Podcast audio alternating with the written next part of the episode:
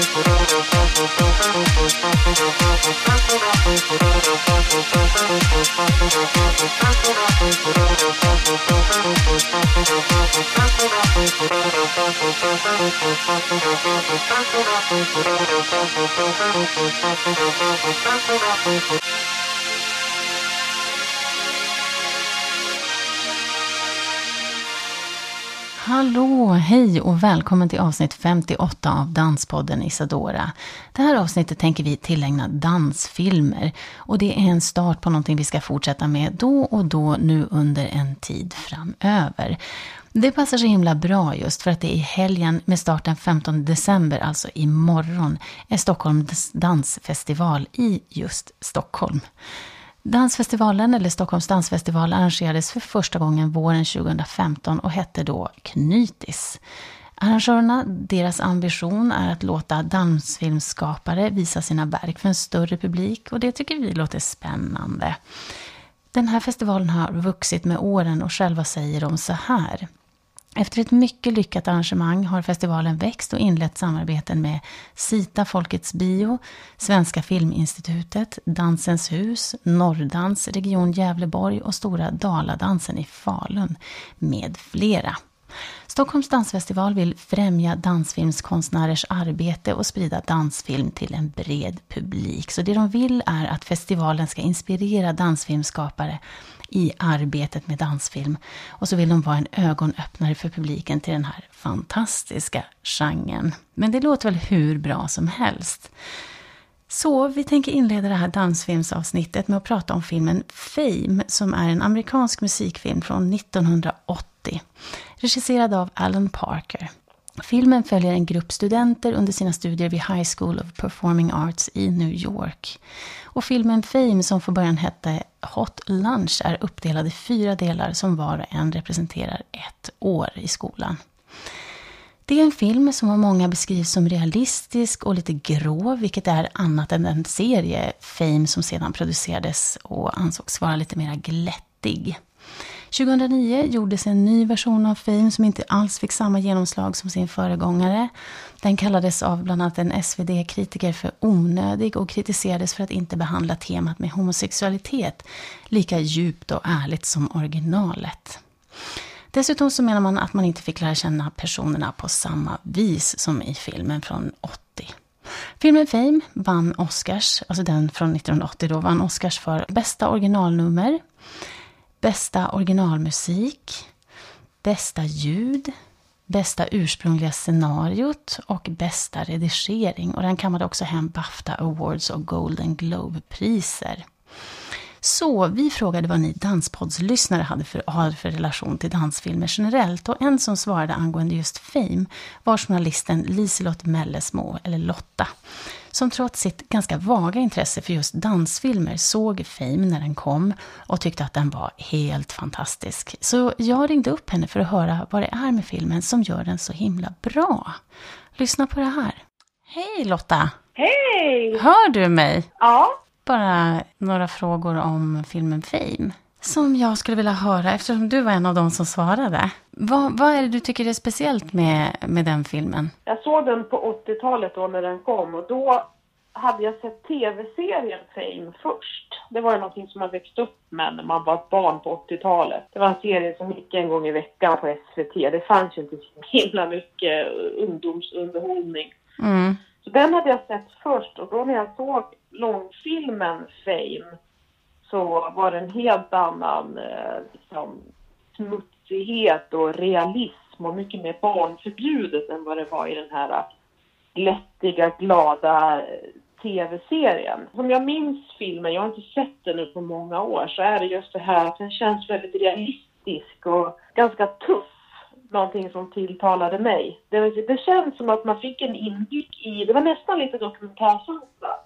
Som att man fick inblick i hur det måste ha varit att vara liksom en 20-åring på Manhattan liksom som kommer från ganska tuffa förhållanden och tar sig in på den här superhårda utbildningen där det verkligen är blod, svett och tårar. Lite klyschigt kanske men alltså regissören får den här filmen att verka väldigt eh, äkta. Och då ska man ju komma ihåg att jag har ju inte varit i en balettsal liksom hela mitt liv själv. Men det är liksom, eh, det känns som att det skulle mycket väl kunna vara precis det här. Ser du på mycket dansfilm överhuvudtaget? Eller gjorde du det? Nej, jag har nog inte liksom fallit för dansfilmen som kategori någon gång. Jag såg ju Flashdance också, kom tidigt 80-tal. Där blev man inspirerad av syrran och min kusin. Alla började dansa jazzbalett och sådär. Jag har sett Saturday Night Fever, Dirty Dancing, Strictly Ballroom, eh, ja, så vidare och så vidare. Men liksom aldrig kanske fallit för dansfilmen som begrepp, utan i så fall finns det väl några klassiska musikaler som jag tycker är dansfilm fast på ett annat sätt. Är det här en film ändå som, som man kan se även om man inte är intresserad av dans? Absolut, ja. För att jag tror att som med all bra film så spelar det säkert inte så stor roll egentligen vad den skildrar för någonting. Black Swan till exempel hade varit en bra film även om den inte hade utspelat sig i dansmiljö och haft en del dansscener. Det är liksom filmens kärna som är det som gör själva upplevelsen antar jag. Mm. Så, ja. Men du blev inte Men det inspirerad finns av... väl ett gäng bra dansfilmer? Ja, nej, du blev inte inspirerad att dansa i alla fall. Om jag har blivit det? Ja, blev du det? Av de här filmerna som du såg?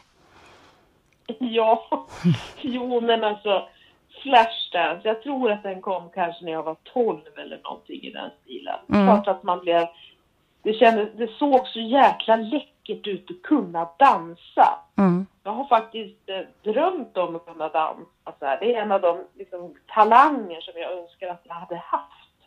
Det, det verkar så jäkla härligt att kunna dansa.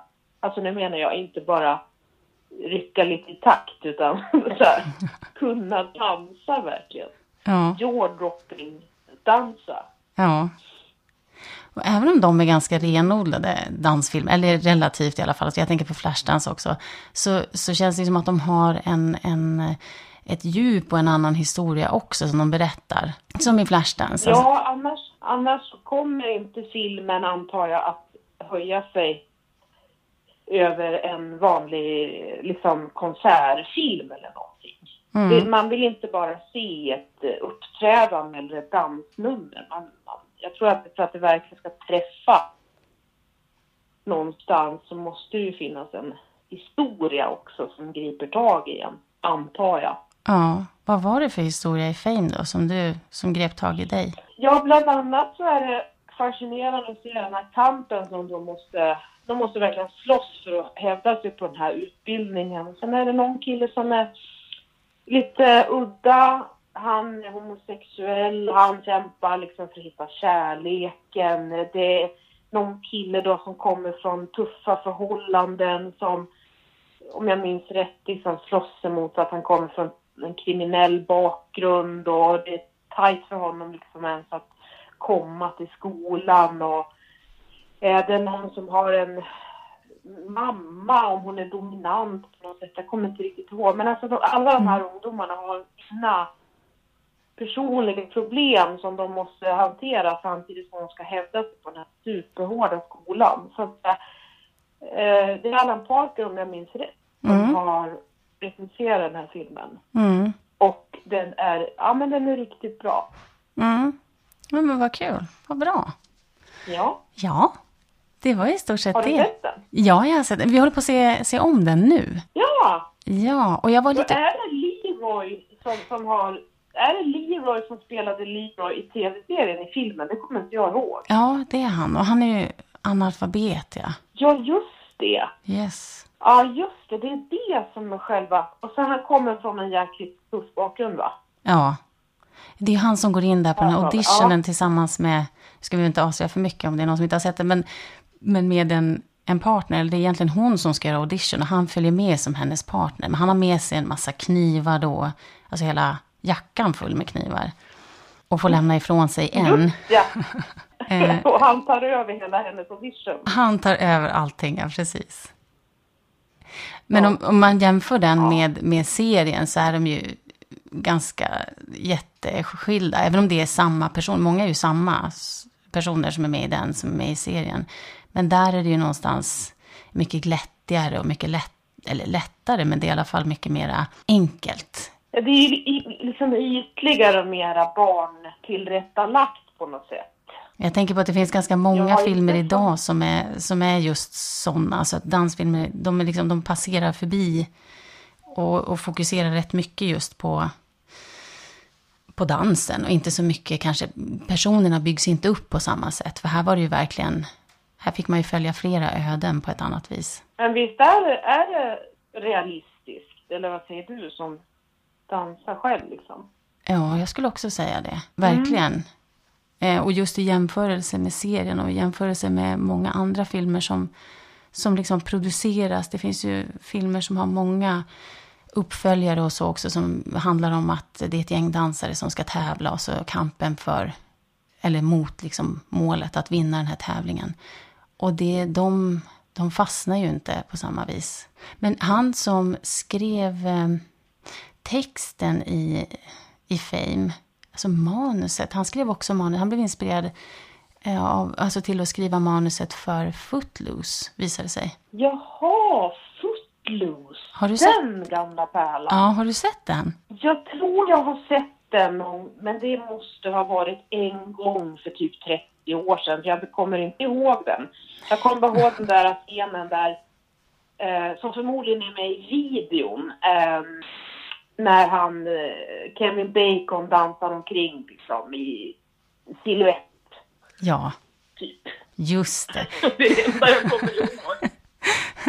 Han gjorde något framträdande på, jag vet inte om det var Saturday Night Live här för något år sedan, där han dansade Ja. det igen. Han, han klippte ju bort lite grann utav det, det han gjorde i filmen. Men... och som Okej. jag förstår det så hade han flera stuntmän också. Både eftersom han håller på med gymnastik och så också där i filmen så hade han flera som kunde hoppa in för honom, vilket han tydligen var lite sur över, att, han, att de var tvungna att täcka upp så mycket för honom. Ja, det så pratades ju ganska mycket om när det gäller Flashdance också kommer jag ihåg. Och Jennifer Beal som spelade Alex. Mm. Hon hade ju en stand-in i dansscenerna. Och det Ja. var ju ganska tydligt liksom. Man ser den där plattiga peruken. Eh, och sådär ser inte så jävla bra ut helt enkelt. Det. Nej, och när man vet om... Det måste ju finnas gott om duktiga skådespelerskor som är både vackra och, och duktiga och dansa liksom, som de hade kunnat kasta istället. Men istället var de tvungna att ta en, en söt tjej liksom som inte kunde dansa. Känns lite. Ja, vad typiskt. Om jag har förstått det rätt Mm. så var det ju en kille som dansade den här klassiska scenen när hon gör audition. Vad en kille. Ja, det var en kille. Jaha, okej. Ja, det Ja. förvånar mig inte faktiskt. Inte undra på att peruken kändes väldigt där. liksom, man ser så ut på ett konstigt sätt liksom. Det kändes inte riktigt naturligt. Ja, Nej, och pausar man scener där också så ser man, kan man se, det, är så här, det finns lite bevis på, för att det är han då, eller, och att så här, man ser på benen att det är mansben och Man så. ser typ... Man ser en pungkula sticka ut liksom. Åh gud vad dumt. Ja men det kanske var för att han skulle, eller hon då skulle vara helt så här cellulitsäker eller någonting. Ja, det kan ju vara så. Det fick inte finnas minsta lilla grop i håret.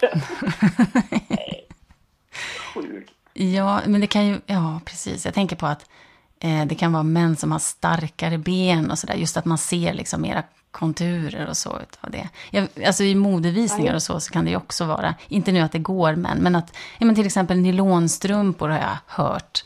Eh, när sådana Ja. ben som vi ser i reklam, det är ofta mansben. Det är smidigt. Ja, verkligen. Mycket att leva upp till där. Ja. Men, ja, men du har inte sett eh, Fame då nu på senare år? Nej, det är jättelänge sedan. Jag hade den på VHS. Då förstår du själv hur länge sedan det är jag såg den. Mm. Kanske skulle ta sig om den då, för det är ju en bra film. Ja, ja men verkligen. Och nu gav du mig idéer om att se Strictly Ballroom igen. Det var ju länge sedan. Den var väl ganska bra. Ja, en australiensisk film ja. Mm. Och sen eh, Billy Elliot. Mm. Men det är inte så tokig heller va? Just Det handlar den om någon pojke från arbetarklassen som upptäcker att han är bättre på att eh, dansa eh, än att spela fotboll typ eller vad det är. Just det, och den gick ju upp här i Stockholm också på Oscars eller något sånt där för något år sedan. Och var ju utsåld Jaha. eh, hela tiden. Vad häftigt. Var det ett barn som spelade Billy då eller? Jag vet inte. Jo, det var det. Det var det ju, ja. Jag såg Jag den glömmer aldrig när jag såg eh, musikalen Annie på Göta Lejon tror jag det var, eller om det var Folkan var det nog när jag var barn. Min faster Berit tog med sin dotter och sen mig och min stora syster på den här musikalen. Och de som spelar huvudrollerna, de var ju samma ålder som jag. De var ju liksom födda typ så här 72 och sånt, de som spelar huvudrollerna där Mm. de här barnhemsbarnen. Fy fasen vad jag... Jag var nästan, jag var nästan nerslagen efteråt. så att det var precis som att jag insåg då att det fanns barn som var så otroligt proffsiga. Alltså jag höll på med amatör, eh, amatörteater då, men då insåg jag på något vis att de här spelar i en helt annan division. Det var jäkligt inspirerande och jätteimponerande, men samtidigt så blev jag nästan lite deppig av att se det, för det var verkligen jävlar vad, vad de var skickliga. Det var Pernilla Wahlgren som spelade Ja, huvudrollen, fast den kvällen var det en ersättare till henne som hette Vendela Duxo som spelade huvudrollen som Annie och hon var så jäkla bra. mhm. Ja, det glömmer jag aldrig. Men det var ju en musikal i och för sig på scen. Som Ja. en sak. ja, ja, ja, men det är väl mycket dans där med. Ja, gud ja. Det var Mm. jättebra dansnummer. Och de sjöng också då, skitbra. Alltså de var verkligen superskickliga barn. Men vänta, när var det här då? Det var... Hur, le- när, hur länge sedan det var? Ja. Jag skulle tro att det här var kanske 82, 83 någon gång. Mm. Det kan vara så att eh, skådisarna var 11 typ. Så det var väldigt imponerande tyckte jag. Det var skitbra. Mm. Ja, men vad bra. Då kan du inte göra någon jämförelse nu med, med Fame, hur den var när du såg den första gången och hur den är nu när du har sett den på senare tid. Men, men ändå, förmodligen en Nej. film som, som håller. Ja, jag tror det. Mm. Känns välgjord liksom. Och sen kan jag gilla den här lite gråa, dammiga, re, liksom realismen som man ser i såna här tidiga 80-talsfilmer. Jag gillar det här att nu är det visserligen ungdomar som spelar huvudrollerna i den här filmen, men en grej som jag tycker är häftigt med eh, eh, 80-talsfilm, amerikansk 80-talsfilm, det är liksom, då kan det vara så här en medelålders person som spelar huvudrollen i film. En film liksom. När man, idag hade man castat en 23-årig gorgeous skådespelare. Mm. Men på den tiden var det mera grått på något sätt. Jag kan inte förklara men det finns flera som exempel och det blir liksom så mysig stämning på något sätt när man får en känsla av att det är riktiga människor i filmerna. Vanliga människor. Men vad var skillnaden då? Hur, kan, hur kommer det sig att man har, har vi liksom förfinat det där? Jag tror att när jag tittar på filmer från tidiga 80-talet som till exempel skräckfilmen The Changeling tänker jag på. Mm. Där spelas huvudrollen av en man i, jag skulle tro att han är någonstans, han är kanske 60 bast. Jag tror inte filmen story kräver att han ska vara så pass gammal eller någonting sånt utan de bara tar en skådespelare som ska passa bra i den här rollen. Och sen han får en kvinnlig väninna en bit in i filmen. Mm. Och hade det varit en skräckfilm som de gjorde 2018, då hade det varit någon ung, snygg tjej. Nästan alltid ser det ut så. Man är åtminstone ung. Men den här, den här kvinnan kan vara 40 kanske. Och de klär sig liksom i så här grå, beigea, långa överrockar och det är liksom så här ja, oglamoröst på något sätt. Väldigt vuxet. Mm. Jag, jag, jag blir jättetilltalad av det. Det känns liksom så här som att man får titta in i en värld som hade verkligen andra måttstockar för vad som var bra. Nu för tiden så ska allting vara så dazzling liksom. Nu ska alla vara jättevackra och assexiga och det, det liksom förtar lite hela filmupplevelsen för mig på något sätt. För det blir så jävla overkligt allting. Jag blir lite överväldigad. Jag tänkte, när jag säger det så tänker jag att, jag vet inte om jag blir det, det är inte kanske av att, av att det är så dazzling, utan kanske snarare att det, det känns inte, det blir så, ja, ytligt. Det finns inget, Mm. inget att fästa vid, det finns inget som skaver. Ja, precis. Jag kan skicka en länk till den om du inte har sett den filmen så kan jag rekommendera den till att kolla någon gång. Det finns på Youtube faktiskt. Och kolla och se gratis. Var det, the change, change. Changeling? Ja, precis. Jag tror att han heter George C. Scott som spelar huvudrollen. Kan han heta det möjligen? Det är liksom en sån här vresig gubbtyp liksom som spelar huvudrollen. Men det är en skräckfilm? Det är ungefär som, ja den spelar ingenting med The Changeling med Angelina Jolie att göra. Den storyn är en helt annan. Den här filmen är kanske från 82 eller någonting sånt där. Mm. Det är också jättebra, men det är ju verkligen ingen dansfilm. Nej, men, är- men bra film. Den är bra och grå och det är vinter och det är slask och det är liksom så här. "Ja, Här stövlar vi på i manchesterbyxor och stickad tröja och trenchcoat liksom. Men du tror, ja, men tror du att det funkar för dagens, eh, alltså generationen som ser dansfilmer idag? Det är tveksamt. Jag har ju ändå någon slags relation till den sortens film som såg sån film när jag var liten. Att börja se sån film nu när man är eh, tonåring säger vi. Det kanske blir för udda. Vet aldrig. Det, man ska aldrig säga aldrig liksom. Nej, bra är bra. Mm, precis. Ja, men vad fint. Kram på Hej då. Hej då. Ja, men nu är avsnittet över och vi tackar som vanligt för att du lyssnar på oss. Hör gärna av dig till oss med tips på dansfilmer som du har sett, vill se, velat se eller som du vill berätta för oss och lyssnarna om. Vi satsar på att göra fler inslag om dansfilmer, gamla som nya i podden. Du kan mejla oss på isadorapodd.gmail.com eller ringa oss på 0720 388 101. Kolla in oss också på Facebook och Instagram. Men hej då nu alla och ha det bäst!